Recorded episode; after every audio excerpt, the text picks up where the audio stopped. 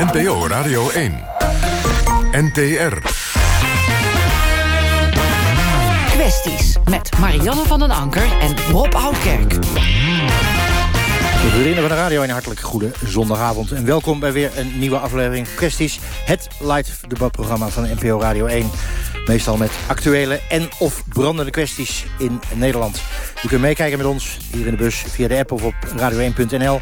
En discussieer vooral met ons mee via Twitter of Facebook. En als u Twitter gebruikt, gebruik dan de hashtag kwesties. De bus staat op het Jansplein in Arnhem. Dat is echt hartje centrum kilometer of drie verderop spelen zo direct de Rolling Stones. Maar hier zijn de vrijwilligers van het Rode Kruis teleurgesteld... dat het ze maar niet lukt om meer mensen met een biculturele achtergrond... aan hun organisatie te binden. En als u denkt, wat is nou weer bicultureel? Nou, dat is wat vroeger allochtoon was. Terwijl in Arnhem toch zo'n beetje 1 op de 3 bewoners... zijn of haar wortels buiten Nederland heeft... waarvan 1 op de 5 buiten Europa. Maar eerst, zoals iedere week, gaan we ergens anders heen. Naar collega Marjan van der Anker. En die staat vandaag in Rotterdam. Ja, dat klopt uh, Rob. En niet zomaar in Rotterdam. Maar we staan namelijk bij de Nico Adriaans Stichting. En hier zijn we met nou, een mannetje, vooral mannen. 20, denk ik, tot 25, die allemaal terug moeten. Ze zijn uitgeprocedeerd. Niet een aantal van deze mensen wil terug, namelijk ook niemand. En we praten daarover. Hoe moet het verder met dat terugkeerbeleid? Want in het regeringsakkoord dat deze week is gepresenteerd... wordt natuurlijk gesproken over extra capaciteit om mensen snel terug te sturen. Meer geld dus voor de dienst terugkeer en vertrek. Maar heeft het wel zin? Daar praat ik over hier in Rotterdam in deze Nico Adriaanse stichting. Waarbij we met een casus te maken hebben... waar ik zo direct wat meer over zal vertellen. Maar in ieder geval kan ik nu alvast prijsgeven... dat er een Iranier was die terug moest. En uiteindelijk is die op het vliegtuig gezet naar Iran. Ze komen aan in Teheran. Blijkt dat hij daar niet welkom is. En per kerende post weer terug met vier man sterk begeleiding.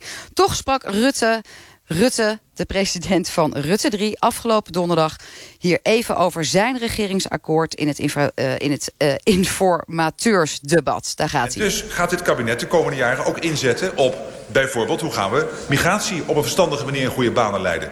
Dat mensen die van buiten komen zich ook realiseren en wat voor samenleving zij aankomen. En hoe kunnen we ervoor zorgen dat we aan de ene kant binnenlaten de asielzoekers die ook echt aangewezen zijn op onze opvang. En tegelijkertijd, als mensen die daar geen recht op hebben... dat we die ook niet eindeloos in procedure houden.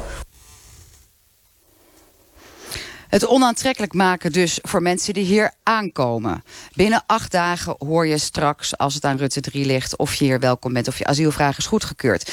Uh, Ahmed Pouri, jij bent uh, zelf afkomstig uit Iran. Je hebt een eigen stichting, de stichting Pouri. En daarmee, wat zei je? Prime? Prime ja, de stichting Prime. En jij zorgt er ook voor dat mensen misschien teruggaan. Soms ook niet. Je begeleidt mensen. Wat vind jij van dit beleid van Rutte 3? Binnen acht dagen weten of je terug moet of niet. Uh, het is vanzelfsprekend als wij gaan die uh, proces veel sneller doen, dan dat zal uh, die kwaliteit kosten. Dus die mensen kunnen niet de nodige rechtsbijstand krijgen. En in die regeringsakkoord, er wordt ook gezegd, zelfs die asielzoekers worden uitgekleed en rechtsbijstand en rechtshulp van de advocaten. Zelfs zij zullen na drie interviews die recht, advocaten krijgen. Dus dit zal enorm enorm kwaliteit van de asielprocedure naar beneden brengen. En de resultaat is door die slechte kwaliteit. Men zal meer processen voeren. En dat zal meer tijd kosten. En dat zal meer geld kosten. Dat is niet de bedoeling. Jij verwacht er weinig goeds van, uh, Ahmed Pouri van Stichting Prime. Het is overigens wel zo dat als het niet lukt om het in die acht dagen uit te zoeken... of mensen hier wel of niet asiel kunnen krijgen...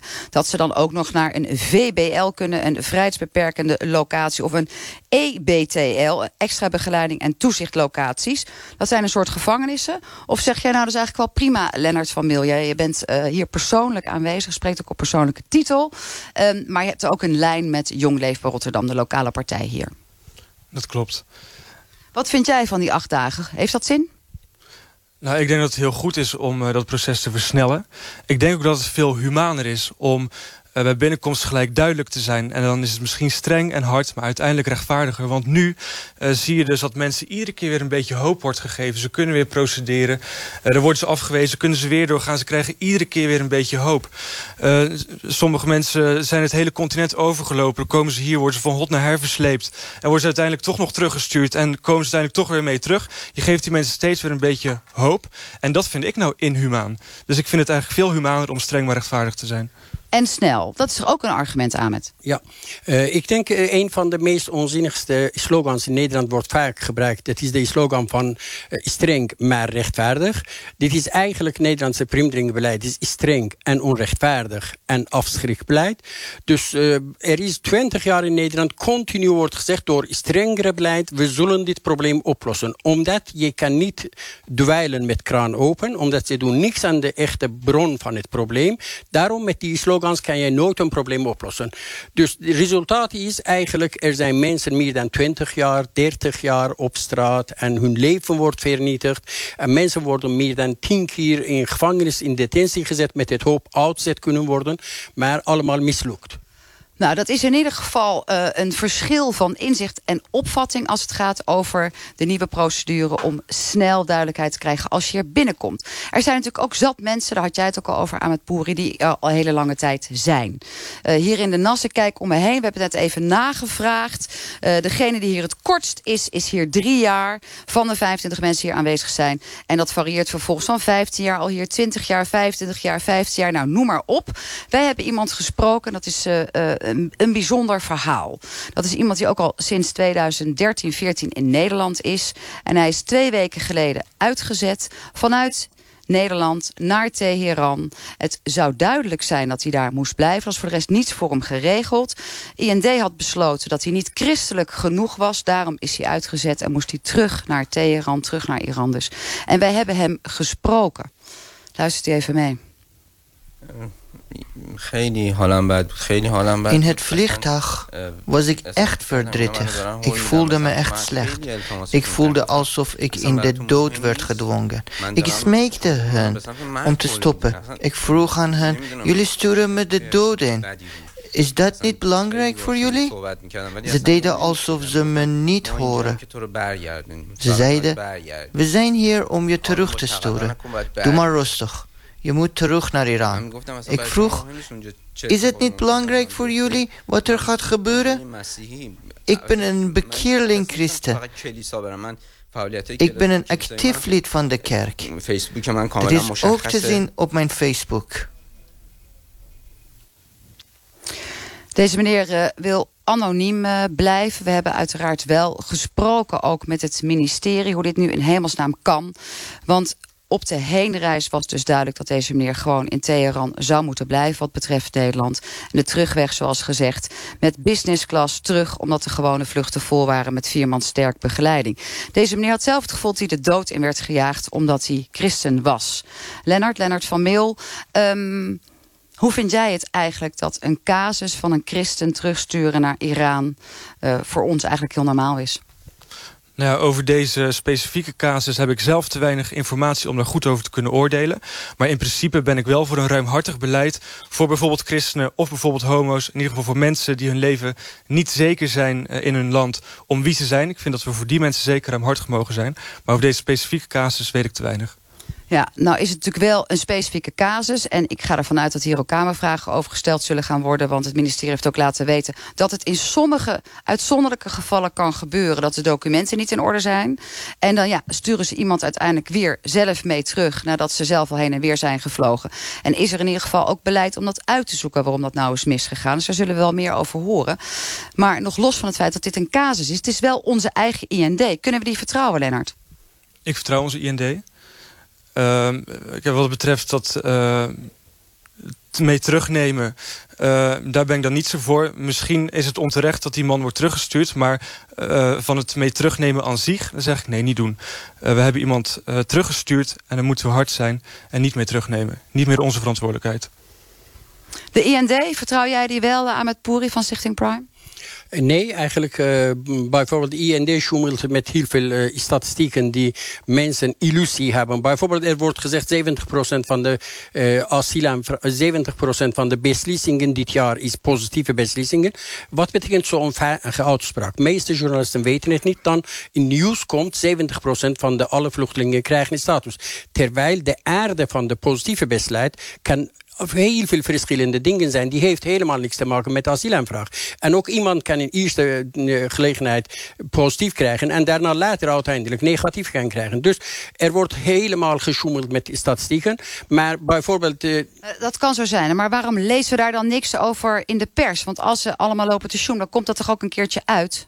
Uiteindelijk gelukkig er zijn mensen die daarover uh, zichzelf verdiepen en schrijven. Maar jammer genoeg, dit soort statistieken komt niet aan het bord. Bijvoorbeeld, ik kan zeggen, omdat ik heb zelf ook altijd wiskunde en informatica gestudeerd. Dus uh, in afgelopen vijf jaar in Nederland zijn in totaal 107.000 mensen asielaanvraag ingediend. Dus dat betekent gemiddeld per jaar naar Nederland komt 21.000 aanvraag binnen.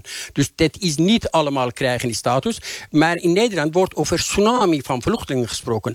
Wat betekent tsunami voor 21.000? Dat is weer een heel ander onderwerp dan de kwaliteit van de IND. Uh, eh, we zijn hier bij uh, de NAS. Henk, Henk Kultjes, kan jij uh, vanaf het biljart deze kant op komen lopen? Want jullie zijn hier ook bezig met de terugkeer van mensen. Er zijn ook afspraken over met de gemeente. Rotterdam staat ook wel te boek als een stad waarin dat heel goed lukt. Mensen terugkeren, terug laten keren naar het land van herkomst. Hoe vaak is dat de afgelopen periode gelukt? Uh, volgens mijn informatie is dat bij 30% van de gevallen zo geweest. En deze mensen die uiteindelijk teruggaan... daar hebben we ook uh, uh, geen informatie over... of dat zij de IND nou zo fijn vinden. Van de mensen die hier zitten wel. Ik vroeg het net aan ze. En uh, toen zeiden ze als rapportcijfer over de IND, Henk? gemiddeld cijfer 4.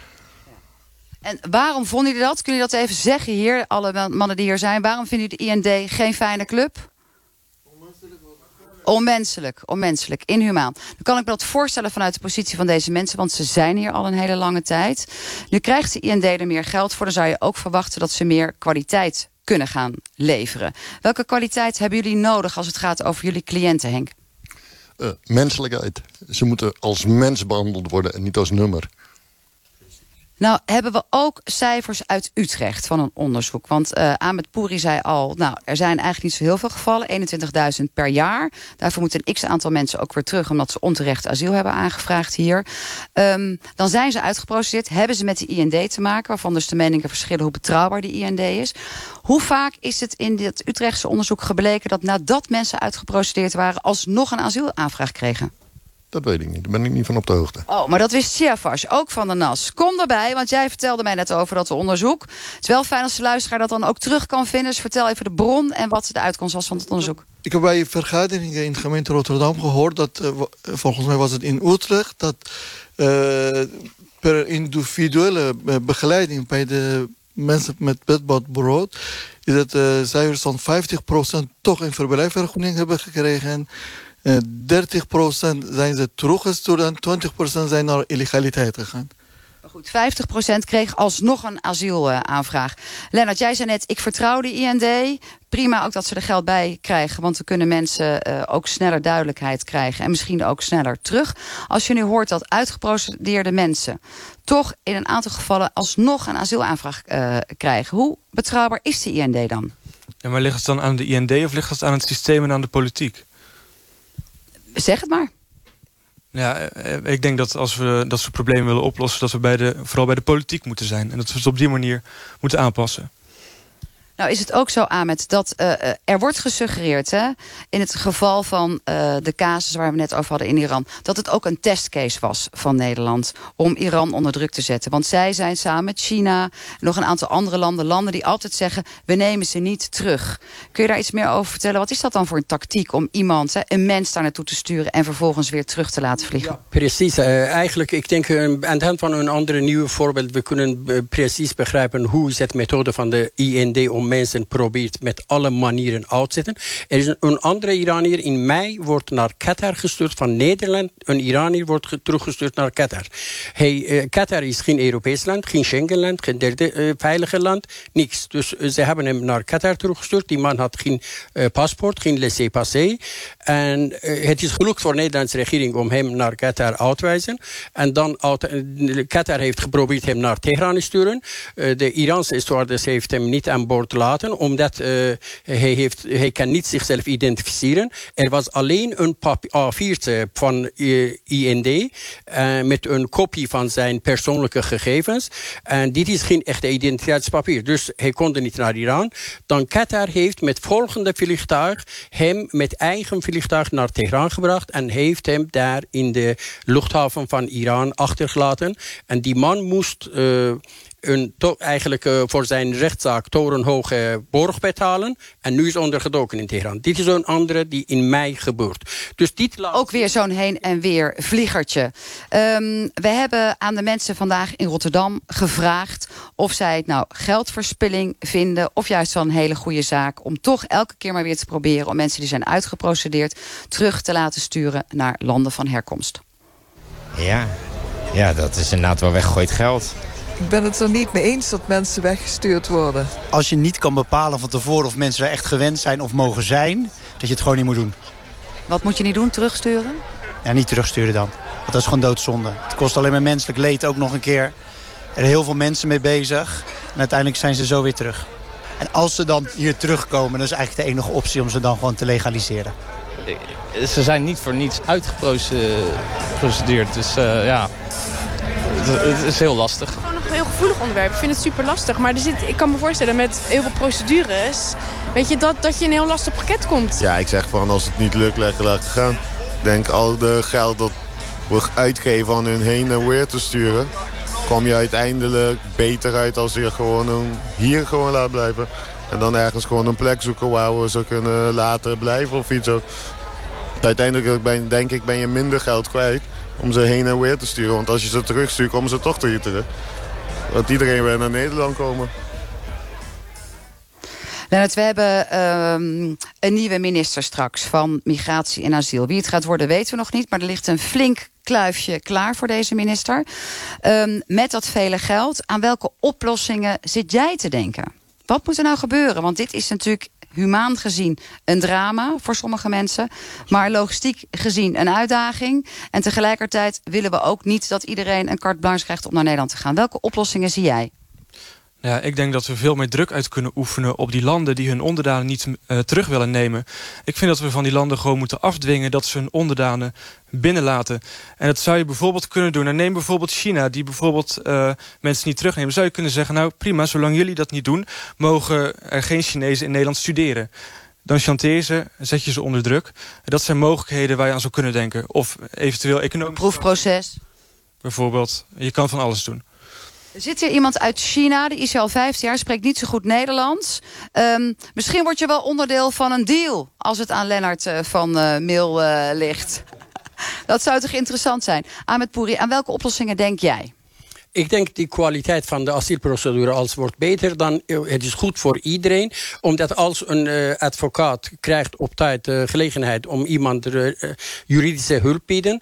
dan kan je bijvoorbeeld, er zijn mensen die moeten eerst vertrouwen aan hun advocaat. Er zijn mensen die hebben seksueel verkracht. En ze, hebben ze kunnen niet meteen over hun seksuele geaardheid praten. Ze kunnen niet over hun trauma's praten. Dus heb jij genoeg tijd nodig. Als heb je die tijd niet, dan zal jij alles uh, kapot maken. Je zegt een kwalitatief goed proces, zodat het mes goed vallen, valt. Heb je recht op asiel, krijg je het. En dat wordt ook goed onderzocht. Heb je het niet, dan moet je toch uiteindelijk terug. Hè? Want dat deel jij ook, toch? Uh, ja, maar er is ook een probleem. Er zijn sommige man, mensen in Nederland, wordt gezegd... sommige mensen kunnen niet uh, technisch uitzetbaar... ze zijn niet technisch uitzetbaar... en sommigen zijn niet beleidsmatig uitzetbaar. Waarom? Omdat die landen, mensenrechten niet zo dat, slecht... Dat, Ahmed, dat wordt veel te, veel te technisch gerealiseerd. We hebben hier 25 man, ik zei het al... die allemaal niet terug willen. En eigenlijk wel terug moeten. Wie wil met mij aan de microfoon vertellen waarom je niet terug wil... en wat dan de oplossing is? Vertel, vertel, wat is voor jou de oplossing? Moet je gelegaliseerd worden? Vertel, wat is jouw... Hoe wordt jouw leven... Het is uh, dat ik lang in Nederland, bijna 16 jaar geleden. Ik had uh, toen papier en die papier was ingetrokken. En nou, ik heb gewerkt, allemaal gestudeerd en zo, zo. Maar wat is jouw oplossing? Wat moet die nieuwe minister gaan doen? Los, laat me even praten. Legaliseren? Legaliseren? dat is de oplossing. Legaliseren, iedereen papier geven, dat is de oplossing. We kunnen niet bij BBB drie jaar zo lang zitten brood. zonder, eh, zonder, zonder solution. Dat kan toch niet? Is, is, spelen met het le leven van mensen, dat kan toch niet? Ja, we zijn niet voor niks, we zijn niet. Snap je? Er zijn, kijk, we leven in de derde wereld. Hè? Iedereen man leven waar hij is. Man in Zuid-Afrika, we praten over Iran, we praten over zo, we, laten we praten over Afrika nou. Want Afrika is recoloniseren, Afrika heeft alles gekregen van uh, multinationale dingen zo. Ik vind niet, ik bemoei niet op Jij zegt legaliseren. Legaliseren is de oplossing. Eén laatste dingetje voor we afsluiten. En dan wil ik aan Ahmed vragen en ook aan Henk. Wat we veel horen is dat het lastig is voor mensen die hier al zo lang zijn om terug te gaan. Vaak omdat ze ook voor, om hier te komen een ticket hebben uh, geboekt. Een familie heeft dat betaald. En ze komen eigenlijk armlastig terug. En voor hen is dat, zit daar zoveel schaamte op... dat als we dat aspect mee zouden nemen... hoe kunnen we hen met een mooi fotoboek... en met zijn nieuwe toekomst terugsturen? Wat vind jij daarvan, Henk? Ja, dat moet je niet doen. Nee. Waarom niet? Geen terugkeerpremie? Nee, anders zit ik zonder werk. Nee, geintje. Nou, dat zal vast niet. Uh, daar gaan we nog heel lang over na lachen en praten. Dank allemaal voor jullie medewerking. Het was fantastisch om hier te mogen zijn bij de Nico Adriaan Stichting. Lennart Vermeel, zeer veel dank. Ahmed Pouri en Henk. En alle mensen hier van de NAS. Zeer veel dank dat we er mochten zijn. Rob, terug naar jou. En die minister van Asiel en Integratie die heeft het druk. Krijgt in ieder geval wat kamervragen. En dan maar eens even kijken, Marjan, wie dat gaat worden. Dat weten we waarschijnlijk uh, deze week. Iedereen in Rotterdam, hartelijk dank. En Marjan niet in het minst. Wij staan uh, 100 kilometer verderop in Arnhem. Dat is een stad met een grote mate van diversiteit. Eén op de vijf Arnhemmers heeft een niet-westerse biculturele achtergrond. En één op de twee Nederlanders doet aan vrijwilligerswerk. Dus u kunt ook rekenen, dat zullen dan ook wel een groot stel mensen met biculturele achtergrond zijn. Maar bij het Rode Kruis komen ze die vrijwilligers tekort. Volgens voorzitter Jan Hutte. En volgens het Centraal Bureau voor de Statistiek zijn die vrijwilligers, die biculturele, zeer ondervertegenwoordigd op het gebied van sport en zorg. Waarom is dat en is dat een kwestie? Jan Hutte van het Rode Kruis, wat doet, wat doet een vrijwilliger bij het Rode Kruis? Het vrijwilliger bij het Rode Kruis is verantwoordelijk voor een aantal zaken. Uh, we zijn heel actief op het EHBO, dus ondersteuning van mensen bij uh, eerste hulp bij ongelukken.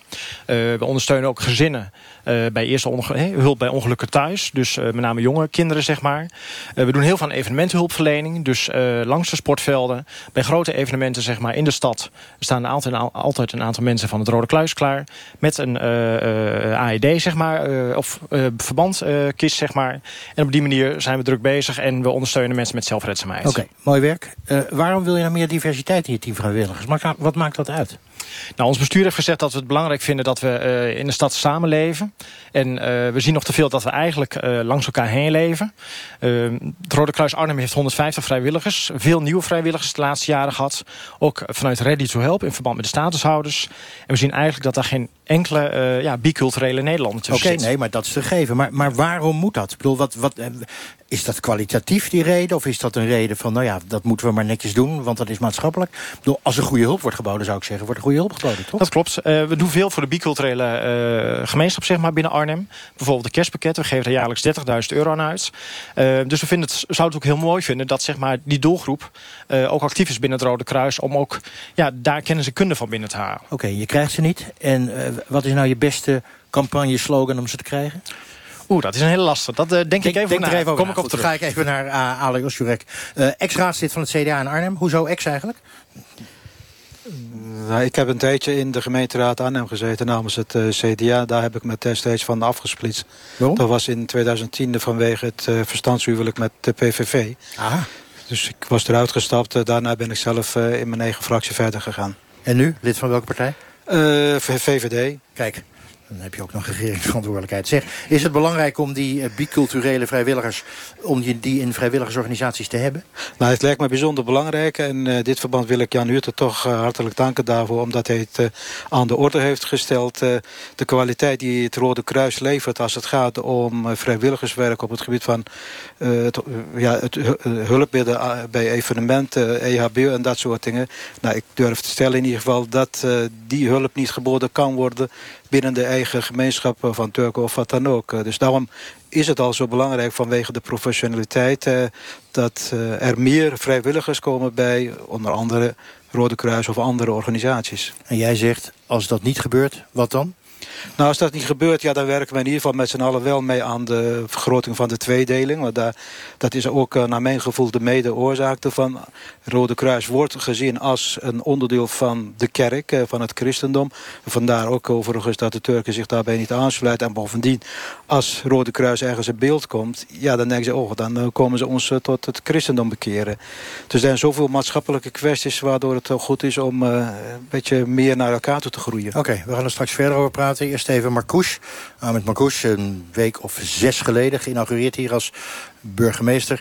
En die heeft gezegd, het Rode Kruis vindt in mij, ik citeer hem, een bondgenoot. Ik help graag mee. Wij moeten ook nieuwe Arnhemmers betrekken bij alles wat we doen. Uh, Samir Toep, uh, als, als uh, zo'n burgemeester dat nou zegt... ik help graag mee, wat kan zo'n burgemeester eigenlijk doen?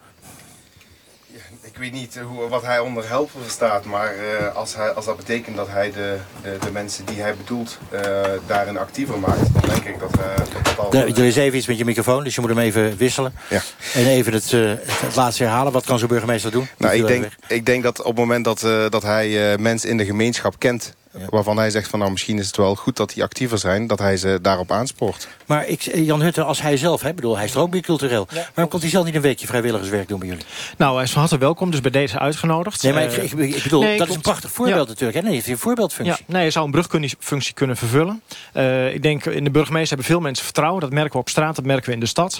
Dus uh, als hij uh, beelden van het Rode Kruis dat het christelijk zou zijn... kan wegnemen bij de achterban...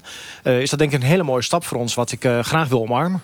Ben je al uit die slogan, uit die campagne-slogan? Of moet je nog nadenken? Ja, ik, ik, zit nog wel druk na te denken. Ja. Je, zit nog, je weet het, om negen uur is het afgelopen. Ja, dus nee, het, komt goed. Oké. Okay. Uh, Samir nog even. Zo'n burgemeester heeft natuurlijk een voorbeeldfunctie. Ja. Zijn er in jouw ogen andere trucs om dat meer bicultureel te maken? Ja, de vraag is of je dat zou willen. Volgens mij uh, moet, je, moet het vooral organisch zijn, moet het volgens mij on, vooral ontwikkelen. En ik denk dat op het moment dat je goed uitlegt waar je organisatie voor staat... op het moment dat er dan iemand komt, dat je die met open arm moet ontvangen.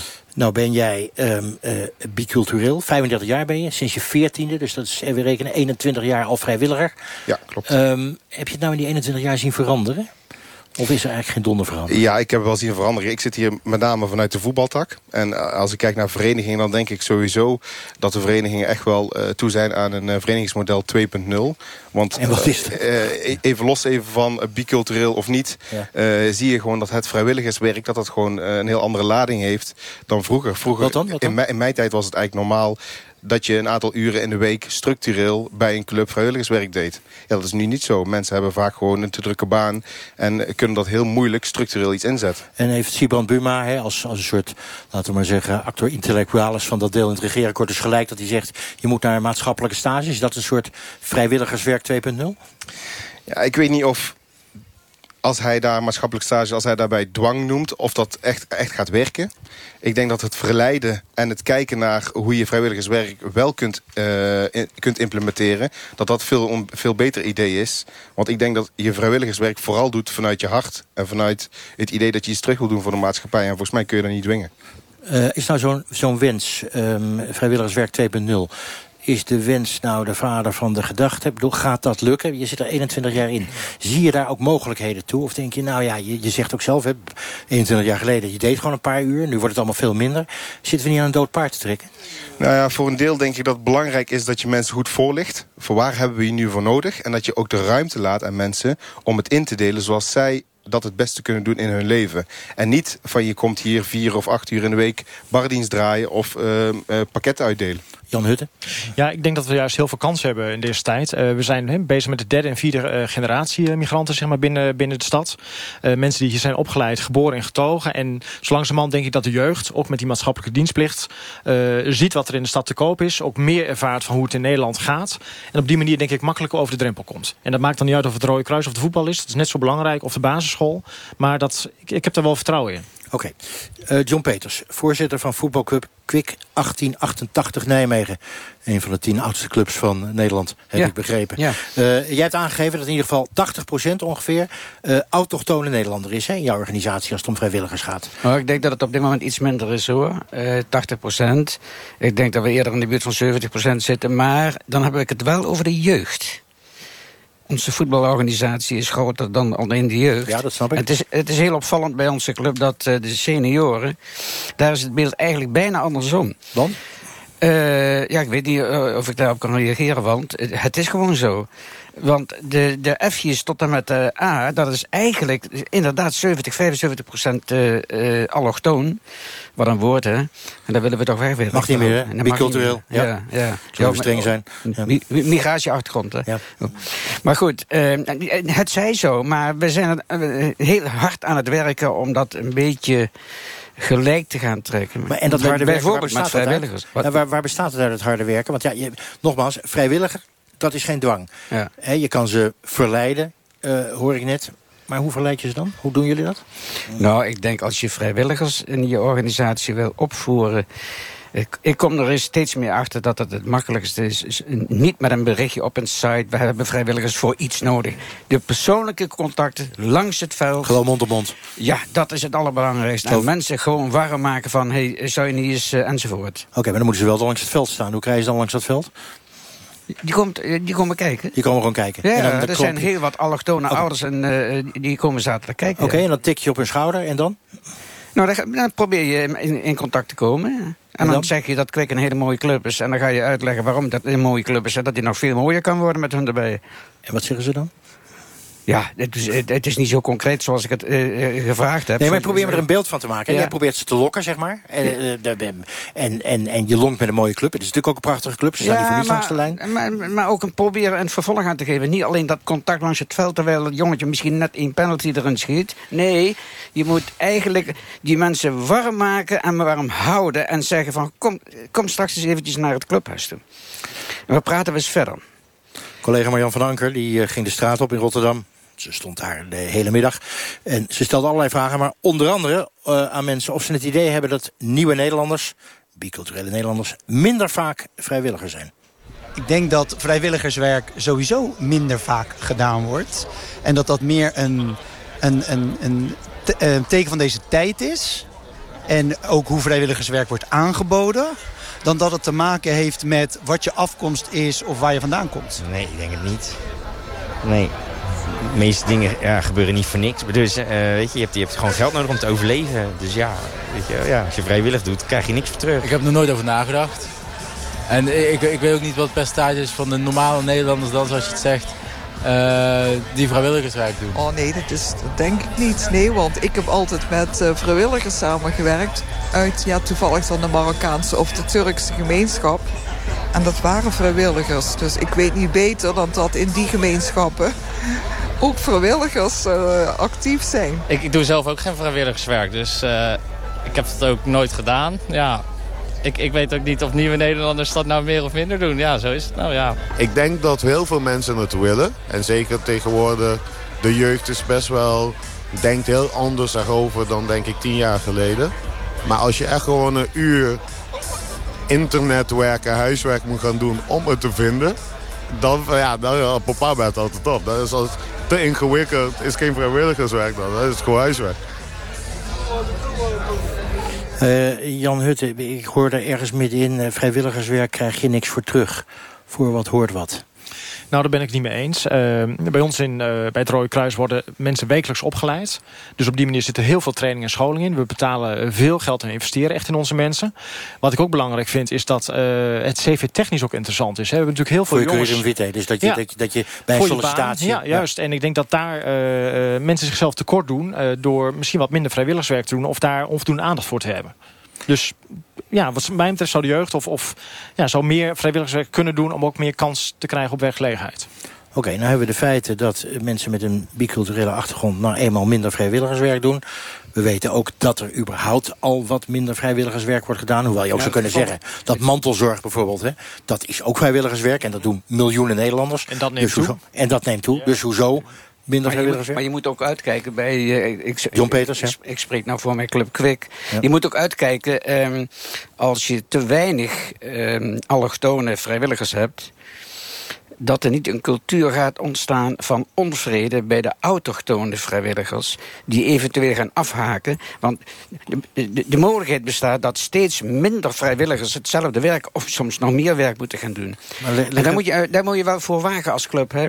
Maar leg even uit, wat, wat is dan exact het probleem? Waarom zouden de autochtone Nederlanders... waarom zouden de autochtonen dan afhaken? Omdat er te, te, eh, veel werk is voor, die, voor het kleine aantal autochtonen. En dan hoor je, en dan zie je wel eens van... God, ik, eh, als het zo nou doorgaat... Als het zo moet, dan hoeft het niet meer. Dan, hoeft het niet meer. Ja, je zegt het eigenlijk zo goed. Ja. Het, het klinkt wat onverschillig, maar, dan, maar je moet ervoor waken. En eh, nou ja, wij, wij zijn bij onze club met een heel gro- groot proces begonnen het afgelopen jaar. Als het gaat over het kader eh, eh, bijsturen. Eh, dit onderwerp waar we het nou ook over hebben.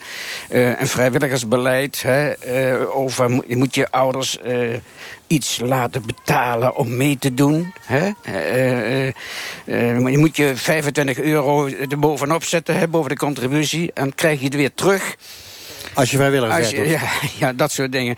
Ja, die discussies Janet, komen. Janet, is dat een goed idee? Ja? Is dat een goed idee? Nee, gewoon betalen en dan ehm, eh, krijg je terug als je vrijwilligerswerk gaat doen. Dus je contributie Nou, gewoon het zou, maken. zou een premie kunnen zijn voor, eh, voor goede inzet. Dus het kan wel helpen om mensen misschien een half jaar eerst aan de gang te krijgen. Eh, of het nou structureel, dat, daar ben ik niet voor. Eh, bij ons is Ik het zeg juist... niet dat wij het nu al doen, maar het zijn van die momenten... Bij het Rode Kruis doen we het bewust niet. Ja, Want het is voor gelijke monniken, gelijke kappen. Iedereen is vrijwilliger en daar zit geen, dus geen vergoeding aan. Ali uh, Osserik, is dat een goed Nou, idee? ik wil er toch even op reageren voor wat betreft het eh, punt van aantrekkelijk maken eh, om het weer vrijwilligerswerk te doen. Nou, dat kan niet alleen maar door geld eh, ter beschikking te stellen. Het kan inderdaad eh, van tijdelijke aard zijn. Maar ik wil het ook omkeren. Eh, als het gaat bijvoorbeeld om het eh, ja, Rode Kruis... dan zou ik het ook fijn vinden dat eh, het bestuur ook op zoek gaat... naar bestuursleden met een biculturele achtergrond. Want die hele, top is, die hele top is ook autochtoon. nou, het is zo belangrijk als het maar kan. En dan zou ik zeggen, van, hoe verwacht je dan dat eh, de allochtone vrijwilligers zich daar gaan melden? Hetzelfde geldt ook eh, voor de voetbalverenigingen en dergelijke. Er zijn heel veel belemmende factoren, maar dat die, die factoren die zitten meer in de cultuur zelf. Eh, nou, van een, een islamitische vader bijvoorbeeld hoef je niet te verwachten dat hij dan eh, eigenlijk met het eten klaar gaat maken als de varkensvlees moet worden bediend. En geldt ook bijvoorbeeld voor eh, samen douchen en dergelijke. Nou, er zijn zoveel belemmerende factoren waar bijna geen aandacht voor is. Oké, John Peters, la- laat ik het eens even lekker scherp maken. Eh, voetbalclubs, cultuur van bier, frikandellen, kroketten, Corrie Konings. Er komt natuurlijk geen biculturele man of vrouw op af. Nee. Dat Dus, bedoel ik ook. dus je Nee. moet je cultuur veranderen. Ja, eh, de cultuur veranderen? Ja? Wij? Ja. Eh, kon je de konings binnenhalen? Nee, toch, hè? Nee, ja, Co- eh, Corrie Konings eruit juist. Ja, ja. Nee, iemand anders erin. We hebben al een paar jaar Sinterklaas niet meer gevierd hier bij ons. Dat is Wat? ook een leuke, hè? Oké, ja, interessant. Vertel. Ook over cultuur gesproken. Ja, vertel. Dat heb je bewust En- niet en- gedaan. En nou, ik niet een commissie van toen en, en Sinterklaas is nooit meer teruggekomen. Tot, tot nu toe. Ja, Je het weggejaagd. Nee, maar dit, dit, dit, is, eh, dit is niet voor niets. Het zal geen toeval zijn. Daar hebben jullie eens over nagedacht. Nee, maar daar, daar is toen over nagedacht. Daar is geen belangstelling meer voor bij de jeugd. Die, die ouders die weten eigenlijk helemaal niet wat dat voor een cultuur is met die, met die man met die baard. En toen is het eigenlijk afgeschaft. Want er was bijna geen kind meer dat gewoon nog bij Sinterklaas wilde komen op een zaterdagmiddag toen. En die, toen, hij, er- toen hij er nog was, hè. Zo'n zo'n enge man in zo'n mijter met zo'n Ja, witte baard. ja, Maar wat vind je er eigenlijk van dat het is afgeschaft bij jou? Je hebt je club? Wat, hè? Ja, wat vind je daarvan dat het is afgeschaft? Wat vind je daar zelf van? Van die Sinterklaas? Ik vind het eigenlijk jammer. Persoonlijk vind ik het jammer dat hij weg is. Eigenlijk, ik, bedoel te zeggen, eh, laten we ons best doen om dat eh, figuurtje weer terug te laten komen eh, bij de club. Want we- blijven ook Nederland. Dus eigenlijk zeg je, ik vind het prima om te gaan werven onder biculturele mensen, maar ik heb wel een grens. Nou, dat zeg ik toch niet? Nee, zijn mijn woorden. Ja. Ik vraag het. Ja. Maar ik wil, nog, ik wil ook nog zeggen, ehm, even los van Sinterklaas, die gaan we wegdoen nou. Ehm, Uh, de vrijwilligers die komen vooral. De, de, de allochtonen hebben meestal toch een Marokkaans-Turkse achtergrond. Ja. Hè? En wij zitten ook in een wijk uh, met heel veel van uh, die, die, die Nederlanders. Want laten we zeggen dat het Nederlanders zijn. Hè? Ja. Dat, dat vergeten we wel. Dat ja, zijn het zijn allemaal ja. Nederlanders. En uh, het is de vraag of uh, met, met name in Turkije en Marokko zelf... Het, vrijwilligers wel, het vrijwilligerswerk op zich wel bekend is. Dat, dat, vraag ik me eigenlijk af. Wij merken wel eens met de discussies binnen de club... dat ze nog niet eens eens weten wat het allemaal inhoudt. Dus, het... dus ligt er een taak bij jou. Je moet het gewoon gaan uitleggen. Samir Toep, je moet het gewoon gaan uitleggen. Ik bedoel, jij bent al zo lang vrijwilliger. Waarom word jij niet ambassadeur voor bicultureel Arnhem... Zuid, Noord, Oost en West. Ja, omdat ik ben uitgenodigd vanuit Eindhoven. Dus ik ben vooral in het Eindhovens actief. Nou, vooruit. Maar ik wil best wel uh, gedetacheerd worden naar Arnhem. Uh, als het gaat, vrijwillig, hè, als het gaat om vrijwilligerswerk. Nee, ik denk inderdaad dat het, uit, uh, dat het vooral het uitleggen is. En het ook het accepteren dat vrijwilligerswerk in principe, zoals mijn buurman zegt... dat dat niet gewoon is vanuit de verschillende culturen. En je kunt zeggen van, nou, dat is kwalijk.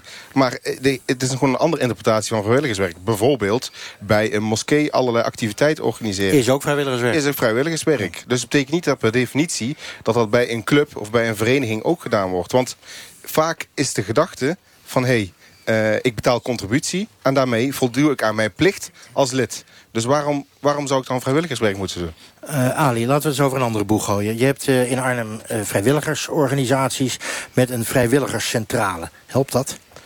Nou, het zou heel goed kunnen helpen. Maar, als, ja. Nou ja, goed, die, die, die zijn ook weer voor, nou ja, zeg maar even te blanke achterban zou ik kunnen zeggen. Die zou dan ook... Uh, ja, maar dat zei je net ook al, hè? Je zei in de ja, top van de organisaties uh, blank en dit ook weer nou, blank. ook de zelforganisaties ja? met de bioculturele achtergrond, zeg ik maar even... die zouden ook zo'n centrale kunnen opzo opzoeken om mensen te laten opleiden. Want ze hebben inderdaad heel veel vrijwilligers in de moskee of waar dan ook. Maar die doen het met, op basis van wat ze hebben meegekregen uit hun cultuur of van hun ouders. Maar vrij, vrijwilligerswerk is ook professioneel. Het is niet zomaar iets wat je doet, maar je kan daar ook begeleiding voor krijgen. Maar die centrales, ja, die krijgen wel subsidie hier en daar. Maar ik vind dat ze te beperkt binnen hun eigen Oké, maar ze, ze, ja, nee, de, op zich de vrijwilligerscentrale is een online media, een online forum. Dus in principe kan iedereen op de vacature reageren. En het is wel, hè, meten ze weten. Dus uh, de doelgroep moet ook weten dat die uh, centrale bestaat. Dus dat kan misschien een probleem zijn bij de, de biculturele medemens.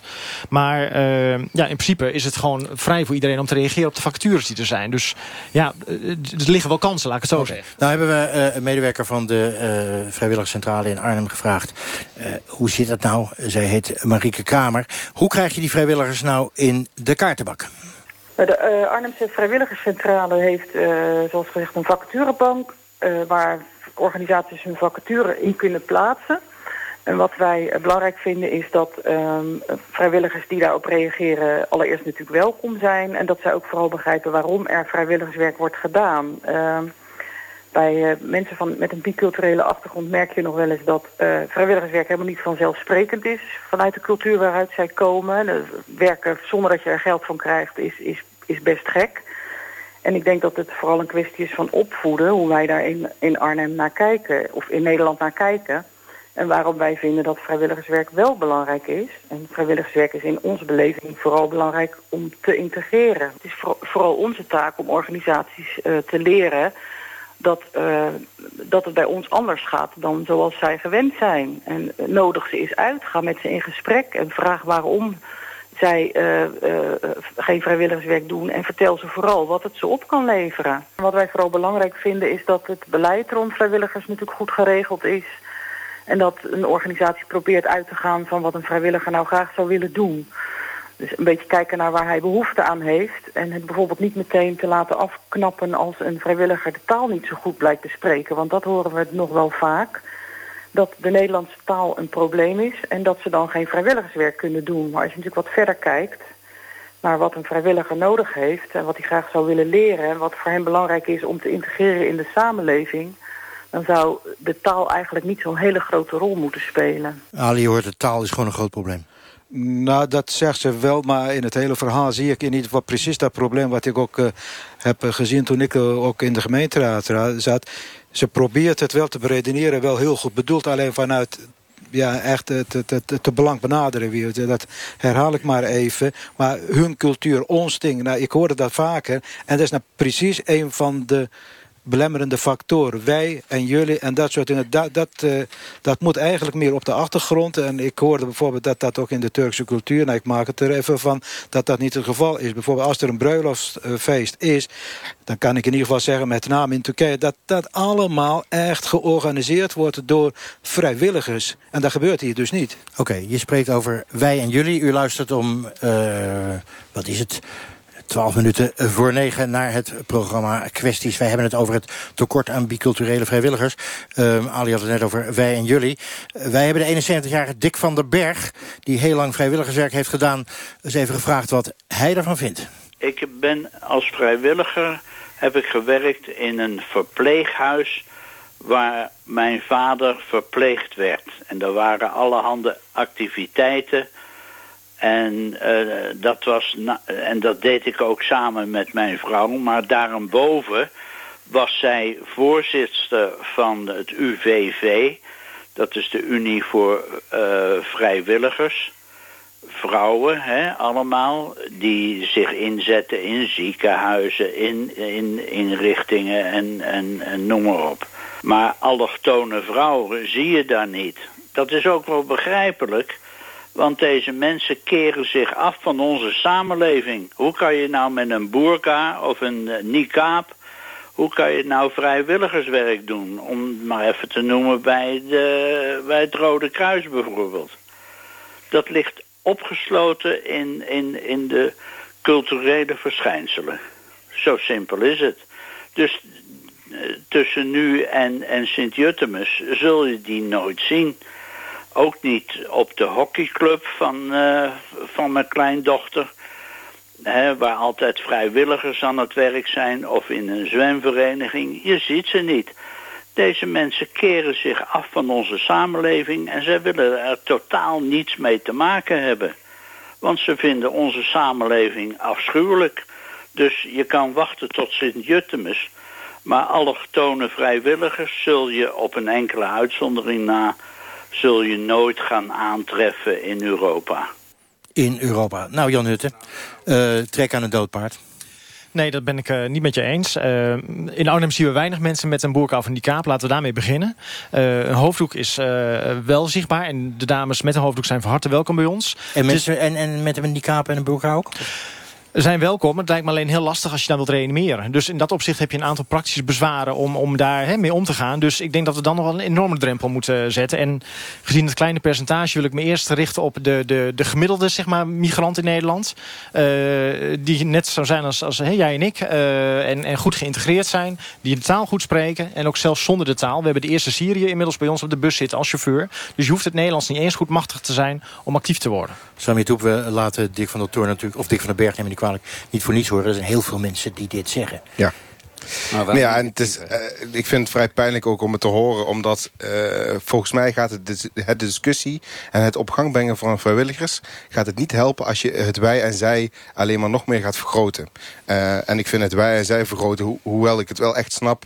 Uh, maar bijvoorbeeld Sinterklaasfeest niet meer vieren... vind ik eigenlijk ook al pijnlijk. Omdat ik, als ik daaraan terugdenk... ondanks dat het niets met mijn cultuur te maken heeft... heeft het wel te maken met een deel van mijn opvoeding... en hoe ik uiteindelijk ook bij die voetbalvereniging... me warm welkom heb gevoeld. John, John Peters, je moet die Sinterklaas terughalen. Die, ja, ik scoor maar Sinterklaas, hè? Ja. Je, je, kan er zelf wel voor spelen, ja. toch? Maar even terug naar die man die net geïnterviewd werd. Die heeft wel een erg negatief beeld. Want je, je zegt zelf, heel veel mensen in Nederland denken zo.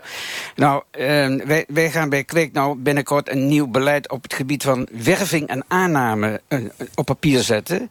En hopelijk uh, zo min mogelijk aantal A4'tjes. Want, want, dan kun je het meest duidelijke zijn. Zo ja. min mogelijk op papier ja. zetten. En dan is het de bedoeling dat wij nu toch, net zoals scholen... gewoon een, een, een, een, een kennismakingsgesprek met de ouders hebben. Dus ook met die allochtone ouders. En dan uitleggen mondeling van, dit is onze club. En, uh, en als je uitgepraat bent en hier heb je nog een brochure... lees het er nog maar eens op na en kom maar terug als je het niet snapt. Bij wijze van spreken. En dan heb je contact met niet die meneer die net aan de telefoon was... of met, met wie je gesproken hebt. Want uh, ik kan niet naar die man luisteren. Ik vind hem heel negatief.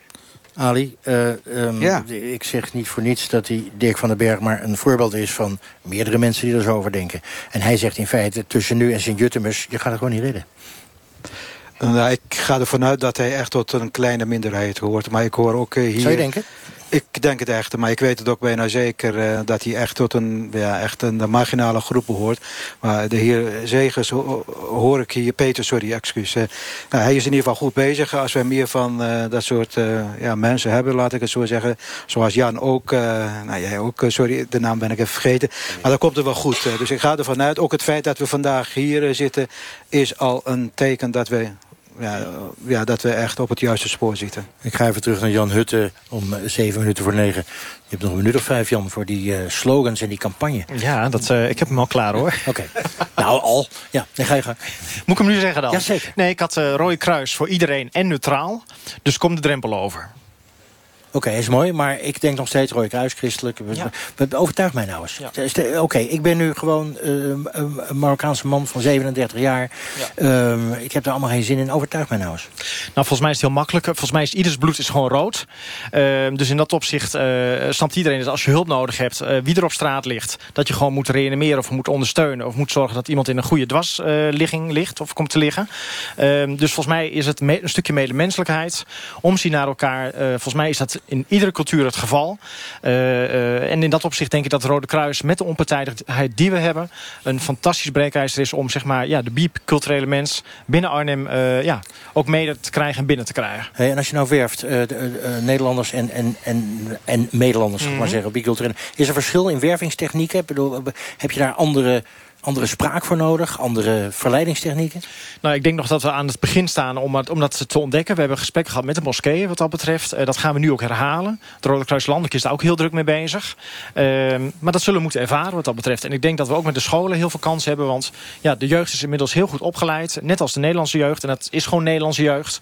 Dus ik denk dat we met name met de jeugd tot zeg 25 jaar... dat we daar moeten beginnen om eh, een kans te krijgen naar de toekomst toe. Samir, nog tips voor eh, eh, Jan Hutte? Want hij zit ermee. Ja, nou ja, als ik naar mezelf kijk... Ik, ik ben vrijwilliger geworden omdat ik een warm gevoel kreeg van de club. Omdat ik zoiets had van, ik ben geen Gewoon eh, voetbal, Marokka- Marokkaan, ik ben geen Nederlander, ik ben een Eindhovenaar... en ik ben onderdeel van de club. En volgens mij gaat het om dat gevoel. En op basis daarvan we- willen veel mensen iets terugdoen. En op het moment dat je dat weet te bewerkstelligen... is het misschien heel kort door de bocht. Want er zijn meerdere aspecten, maar dat is een heel belangrijk, essentieel onderdeel... om in ieder geval te zorgen dat je meer vrijwilligers krijgt. Dus warm gevoel. Ja, het gaat om het werk wat je doet. En, Juist. niet, en niet om al die flauwekul eromheen. Nee. En als je een voetbalclub leuk vindt, prima. En als je het leuk vindt om te reanimeren, ook prima. Prima. Zo en is er het. zit ook nog wel wat tussen trouwens. Ja. Eh, eh, even naar Ali. Nog tips voor eh, Jan Hut?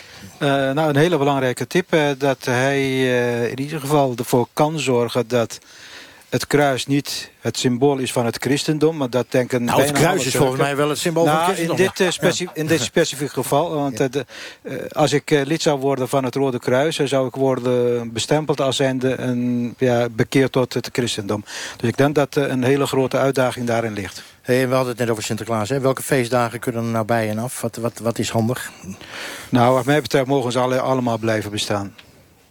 Dus ik heb daar echt geen moeite mee, ook Sinterklaas. Maar het zou ook fijn zijn dat de Rode Kruis bijvoorbeeld ook de aandacht vestigt... eh, eh, ja, voor wat betreft de ongelukken bij, eh, bij het slachten van eh, nou, dat soort dingen op een, op een feest. Dus jij zegt alle feestdagen mogen blijven staan en hup, eigenlijk alle dagen feest. Ja, exact. Creëert Dat wel zou een goed mooi gevoel. zijn. Dus misschien dat vrijwilligers daardoor komen. Ja, eh, zegt eh, Jan Hutte. Eh, John We hebben Peters. nou een Zwarte Pieten discussie gehad de afgelopen jaar. En dan krijgen we misschien ook nog een Sinterklaas discussie. Hè? Nou ja, dat zou je zomaar hebt- kunnen. Hè? Je hebt hem zelf vanavond in de bus geagendeerd. Nee, maar het is Ja. interessant. Hè? Jij hebt gezegd, het is bewust beleid van ons geweest. Maar jij zegt zelf, hij moet eigenlijk gewoon terug op onze club. Ja, toen is beleid is een groot woord om het toen af te schaffen, maar dat, dat is een beetje een wandelgangenbesluit geweest. Maar als je het inderdaad aan mij vraagt, ehm, waarom laat maar terugkomen? Ik dank jullie allemaal. Wij zijn ook benieuwd eh, naar uw mening over Sinterklaas... over biculturele vrijwilligers en alles wat daarmee te maken heeft. Discussieer met ons mee op Twitter met deze kwesties. En kijk op onze Facebookpagina. We zijn er voor vandaag weer eh, doorheen.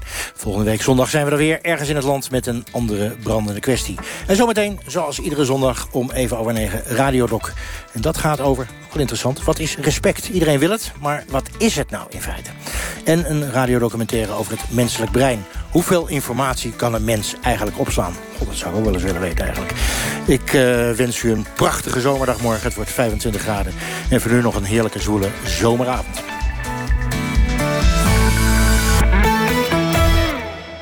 NPO Radio 1. Elke zaterdagavond in het oog. Openhartige gesprekken met bewindslieden van het kabinet Rutte-Ascher. En hebben ook momenten gehad dat ik wel dacht... oei, dit zou mis kunnen gaan. Een onthullend kijkje achter de schermen... van het langstzittende kabinet van de laatste 20 jaar. Als ik echt denk, ho, dit gaat mis...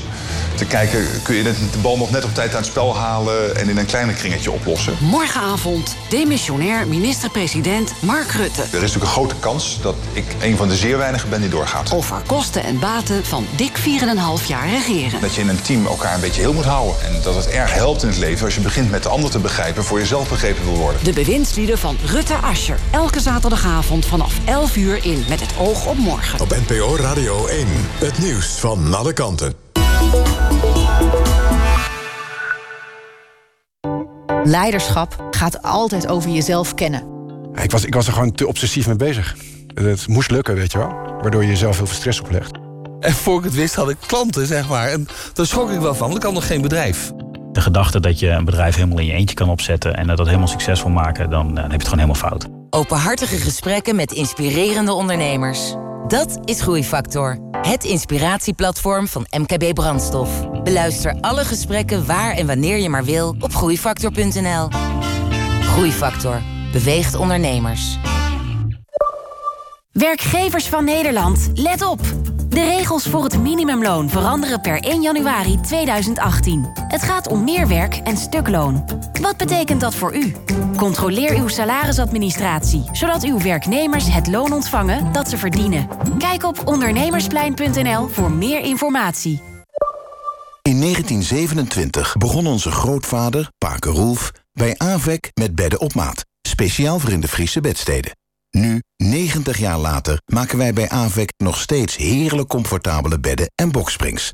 Met liefde en vakmanschap voor u op maat gemaakt. Voor de dichtstbijzijnde dealer kijkt u op avekbedden.nl. Huis opruimen. Losse rolstraats. Zwiep, waf, bam! Lange tijd geen zaken doen. Daarom is er een arbeidsongeschiktheidsverzekering van Centraal Beheer. Want soms gebeuren er dingen die u niet ziet aankomen. Nu zelf online af te sluiten zonder advieskosten. Gewoon op centraalbeheer.nl slash AOV. NPO Radio 1